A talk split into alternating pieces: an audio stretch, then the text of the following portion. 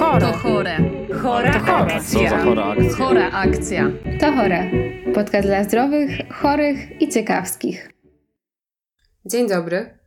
Bardzo możliwe, że słyszycie w moim głosie lekkie zachrypnięcie, ponieważ mam ze sobą walkę z naprawdę paskudną, grypopodobną infekcją. I w ogóle muszę przyznać, że rok 2023 rozpoczęłam pod znakiem fatalnych startów tygodnia. Chyba ten najbardziej spektakularny zdarzył mi się wtedy, y, kiedy siadam do autobusu i dosłownie 30 sekund później, przysięgam, to było 30 sekund, na autobus ledwie ruszył, nie przejechał nawet jednego przystanku, 30 sekund później dziecko, które stojący obok mnie tatuś trzymał na rękach, zaczęło wymiotować we wszystkich kierunkach. W tym oczywiście w moim też. Czajcie? To mogło mi się stać w pracy, bo pracuję na gastrologii, albo podczas dyżuru na sorze, ale nie. To się stało w autobusie, w poniedziałek rano, tuż pod moim domem. Jakiego trzeba mieć pecha. Dwa ostatnie poniedziałki em, także były naprawdę mocnymi kandydatami w kategorii The worst of the worst. E, Jeden to był pierwszy dzień urlopu, który się oczywiście rozchorowałam, a drugi rozpoczęłam e, na izbie przyjęć jako pacjentka. Ale żyję. Mam głos. Słuch, ze słuchem jest e, obecnie trochę gorzej, ale daję sobie radę. I mam nadzieję, że ta e, sexy chrypka doda tutaj takiego waloru ASMR. A więc zaczynamy. A zaczniemy grubo, bo od przysięgi Hipokratesa, której mimo e, popularnego przeświadczenia już się obecnie dzisiaj nie składa. I wiecie co, całe szczęście, bo ona naprawdę zawiera sporo rzeczy, które no, lekko mówiąc, źle się zestarzały. Na przykład niewolnictwo. A poza tym w przysiędze wcale nie pojawia się coś, co stanowi bardzo istotny element etyki lekarskiej, czyli równe traktowanie pacjentów bez względu na, no, na wszystko to, co, o czym mówi kodeks etyki lekarskiej, czyli wiek, płeć, rasę, wyposażenie genetyczne, narodowość, wyznanie, przynależność społeczną, sytuację materialną, poglądy polityczne i różne inne uwarunkowania. I przyznam, że pierwotnie w tym odcinku chciałam przyjrzeć się temu, jak to obecnie jest z tym równym traktowaniem, ale znalazłam tyle wątków, które chciałabym poruszyć, że postanowiłam po prostu skupić się tylko na jednym e, z jego aspektów. A mianowicie na równym traktowaniu płci. Wracając do przysięgi Hipokratesa, słowo kobieta występuje w niej tylko w dwóch kontekstach. Lekarz w starożytnej Grecji przysięgał, że nie da kobiecie środka poronnego i że nie będzie dopuszczał się przestępstw oraz wykorzystywania seksualnego podczas wizyt domowych. Tak samo zresztą no, wobec mężczyzn i niewolników. Na szczęście o, obecnie istnieją już e, kodeks etyki lekarskiej i konwencja genewska, ale jak obecnie wygląda sytuacja kobiet? I czy rzeczywiście jesteśmy traktowani równo bez względu na płeć? No bo jesteśmy różni. Statystycznie kobiety ważą mniej od mężczyzn, ale mają procentowo więcej tkanki tłuszczowej. To nie wszystko. No niektóre badania wskazują, że u kobiet opróżnianie żołądka, czyli jakby przejście pokarmu z żołądka do jelita cienkiego, zachodzi dłużej niż u mężczyzn, czy trwa dłużej niż u mężczyzn, co prawdopodobnie związane jest y, z poziomem progesteronu. To powoduje, że leki w postaci dojelitowej, to są takie leki, które normalnie zażywa się jakby doustnie, ale one ulegają rozpadowi i wchłanianiu dopiero w jelicie cienkim, te leki docierają do jelita później u kobiet niż u mężczyzn, a więc możliwe, że działać będą również z, z jakimś opóźnieniem. Niektóre substancje mają duże powinowactwo do tkanki tłuszczowej, wobec czego będą się w niej akumulować, czyli w większym stopniu u kobiet niż u mężczyzn. Okazuje się też, że nasze wątroby metabolizują leki w różnym tempie. Jednocześnie kobiety przez lata stanowiły mniejszość uczestników badań klinicznych, w których bada się właśnie na nowe metody terapii, w tym właśnie nowe leki. A to oznacza, że dane dotyczące bezpieczeństwa, dawkowania tych substancji to właściwie dane dotyczące sytuacji, w której te substancje zażywane są przez mężczyzn. Zostały one tylko po prostu przeniesione na kobiety, tak jakby tych wszystkich różnic nie było. Oczywiście ktoś może powiedzieć, że przecież dane dotyczące działań niepożądanych leków zbierane są jeszcze długo po tym, jak te substancje trafiają na rynek, więc można je sobie przeanalizować. I to jest prawda. 8 z 10 leków wycofanych z amerykańskiego rynku w latach 1997 do 2001 miało silniejsze skutki uboczne wśród kobiet. W znacznym stopniu właśnie dlatego, że nie zostały one wcześniej wystarczająco przetestowane właśnie na kobietach. Między innymi to spowodowało, że amerykańska FDA, czyli Agencja Żywności i Leków, wprowadziła w 2000 roku regulacje, które mają zapobiegać niedoreprezentowaniu kobiet w badaniach klinicznych. A dokładnie mówiąc, FDA zyskała możliwość wstrzymania danego badania, jeśli jego uczestnicy kobiety albo mężczyźni wykluczani byli z udziału w nim tylko na podstawie bycia w wieku reprodukcyjnym. Opublikowane w 2014 roku europejskie regulacje również zwracają uwagę na problematykę udziału kobiet ciężarnych lub karmiących piersią w badaniach klinicznych. W wielu przypadkach kobiety nadal stanowią jednak mniejszość e, uczestników badań klinicznych. I słuchajcie, na dowód tego znalazłam metaanalizę, w której przyjrzano się 300 randomizowanym, kontrolowanym badaniom klinicznym, które wyniki opublikowano w samym 2017 roku. Badania dotyczyły bardzo różnych dziedzin medycyny: e, chorób sercowo-naczyniowych, nowotworów, endokrynologii, schorzeń układu oddechowego, infekcji bakteryjnych, grzybiczych, wirusowych, chorób przewodu pokarmowego i układu immunologicznego. I wiecie, co się okazało? We wszystkich tych dziedzinach, oprócz jednej, czyli chorób immunologicznych, kobiety stanowiły mniej niż połowę uczestników. A w ogóle najmniej kobiet uczestniczyło w badaniach dotyczących choroby niedokrwiennej mięśnia sercowego, czyli m.in. zawałów serca. I było to zaledwie 22%. W niewydolności serca 34%, a ogólnie w chorobach sercowo-naczyniowych 39%. Czyli słaby wynik jak na to, że właśnie te choroby są obecnie wiodącą przyczyną zgonów na świecie. Zatrzymajmy się na chwilę przy tych chorobach układu krążenia. Po pierwsze, Ostre zespoły wieńcowe.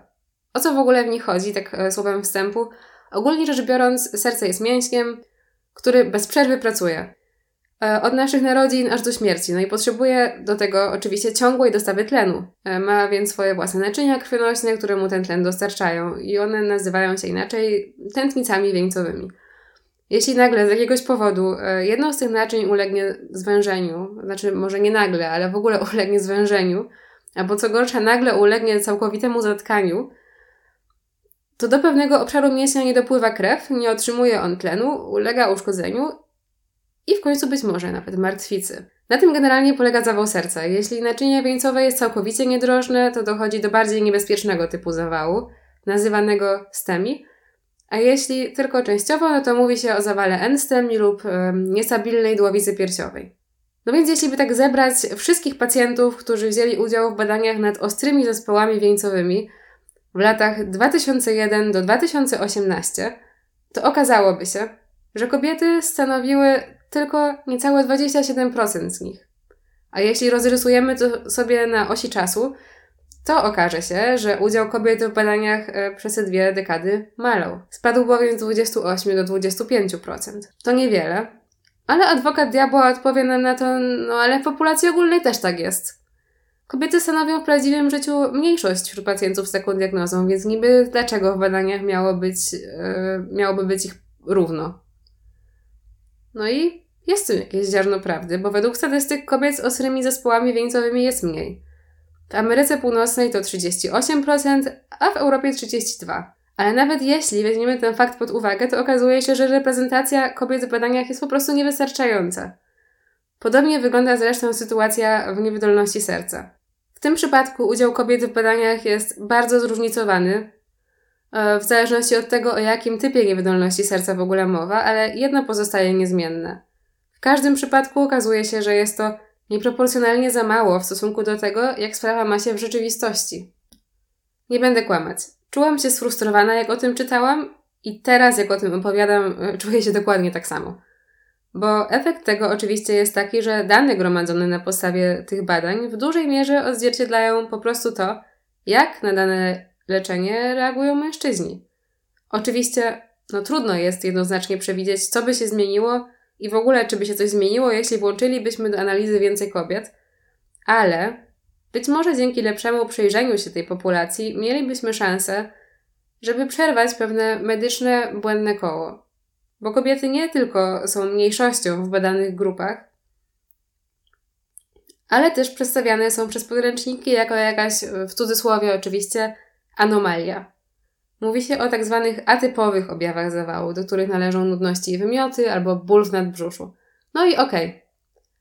Najczęściej zawał objawia się tak, jak sobie go wyobrażamy, a wyobrażamy sobie e, jakiegoś ciężko dyszącego faceta, ściskającego się za serce, z taką twarzą wykrzywioną bólem, ale 4 z 10 kobiet, a także 3 z 10 mężczyzn w ogóle nie odczuwa podczas zawału bólu w klatce piersiowej.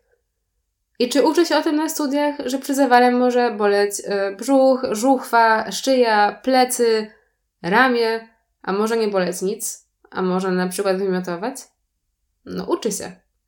Ale co się później dzieje z tą wiedzą? Nie wiem, bo okazuje się też, że czas od wystąpienia objawów zawału do postawienia diagnozy zawału jest u kobiet dłuższy niż u mężczyzn i rzadziej otrzymują one także odpowiednie leczenie.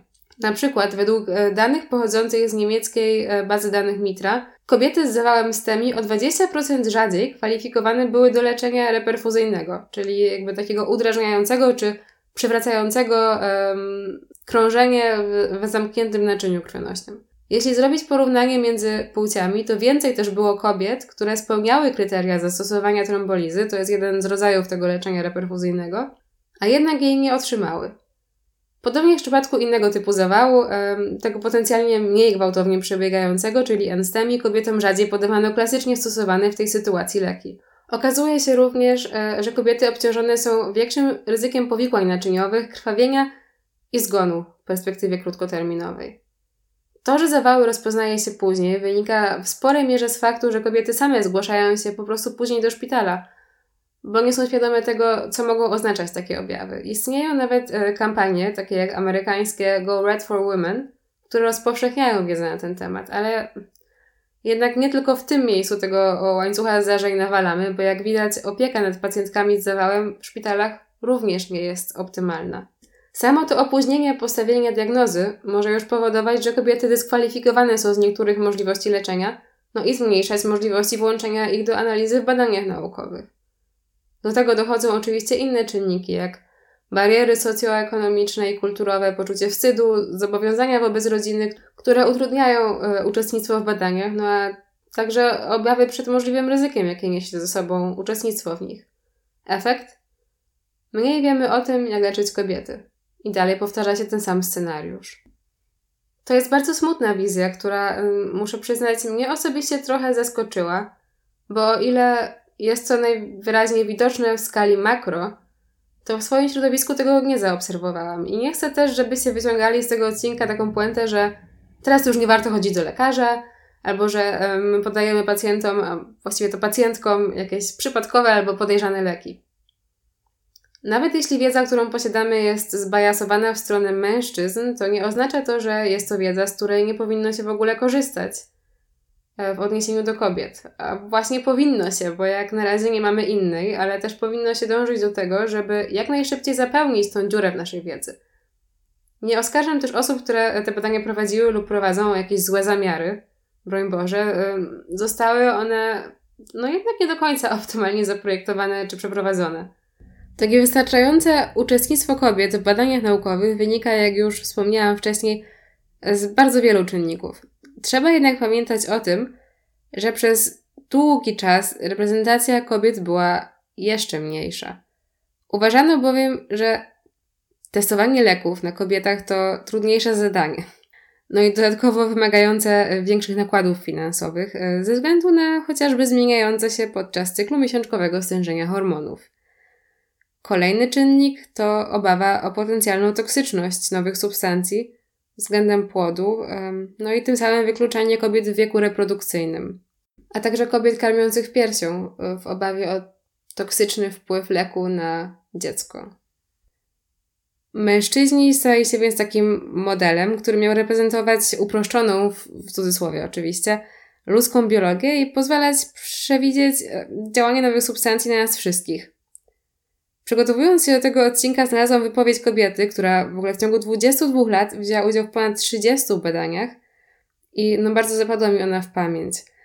Kiedy zaczęłam brać udział w badaniach FDA, była bardzo, no wiecie, idealny uczestnik był młodym, zdrowym, niepalącym mężczyzną, a przecież nie wszyscy tacy jesteśmy. Wspomniałam wcześniej e, o regulacjach, które pojawiły się w USA i w Europie w XXI wieku, ale warto wspomnieć, że już wcześniej podejmowano wysiłki, żeby zniwelować lukę w danych dotyczących zdrowia i leczenia kobiet. Mimo to kobiety wciąż stanowią mniejszość wśród uczestników badań pierwszej fazy, czyli tych, w których określa się, no ogólnie mówiąc, bezpieczeństwo stosowania danego leku ludzi. W tym podstawowym obszarze wciąż bazujemy na informacjach dotyczących tego, jak dany środek wpływa na mężczyzn. I tutaj znowu chciałam podkreślić, że nie namawiam nikogo do zaprzestawania zażywania leków albo bojkotowania współczesnej medycyny. Chcę zwrócić Waszą uwagę na to, że warto jednak wiedzieć i mówić o tym, że istnieją obszary, w których potrzebom kobiet nie poświęca się odpowiedniej uwagi. Bo to jest pierwszy krok do tego, żeby w przyszłości to w końcu zmienić. Założę się, że ktoś teraz mnie słucha i myśli sobie, skoro jesteśmy różni, to czemu ona od razu zakłada, że kobiety mają gorzej? No bo zazwyczaj mają. Ten kardiologiczny przykład, którym tutaj się posłużyłam, nie jest odosobniony, no bo podobnie wygląda stan rzeczy w różnych innych dziedzinach medycyny. I zresztą nie tylko medycyny, bo danych o potrzebach kobiet brakuje nam w wielu obszarach. Od tego, jak projektuje się linie transportu publicznego, po design samochodów i architekturę. Jeśli Was to interesuje, to odsyłam Was do mającego już w sumie kilka lat um, reportażu Niewidzialne kobiety Caroline Criado Perez, gdzie takich przykładów, czasami dosyć zaskakujących, znajdziecie o wiele więcej. Nie jest to książka idealna, zastrzegam, e, ale z pewnością mogę ją Wam polecić, jeśli ta sprawa Was zainteresowała. Więc e, tak, tak, kobiety zazwyczaj mają gorzej. Ale nie postawię tutaj kropki, bo są też dziedziny, w których nawalamy, jeśli chodzi o rozpoznawanie potrzeb mężczyzn i o tym też zamierzam opowiedzieć. Ale to zasługuje na osobny odcinek. I będzie to odcinek kolejny, bo kolejny będzie pierwszym odcinkiem specjalnym, czyli z gościem. Zanim jednak zakończymy ten odcinek, chciałabym Was poprosić, żebyście zapamiętali to, że zawał serca może u kobiet, a także u mężczyzn, chociaż rzadziej, objawiać się inaczej niż zazwyczaj to sobie wyobrażamy. I żebyście byli na to wyczuleni, a może nawet porozmawiali o tym ze swoimi dziadkami albo rodzicami. Słyszymy się więc za dwa tygodnie. Trzymajcie się ciepło i do usłyszenia.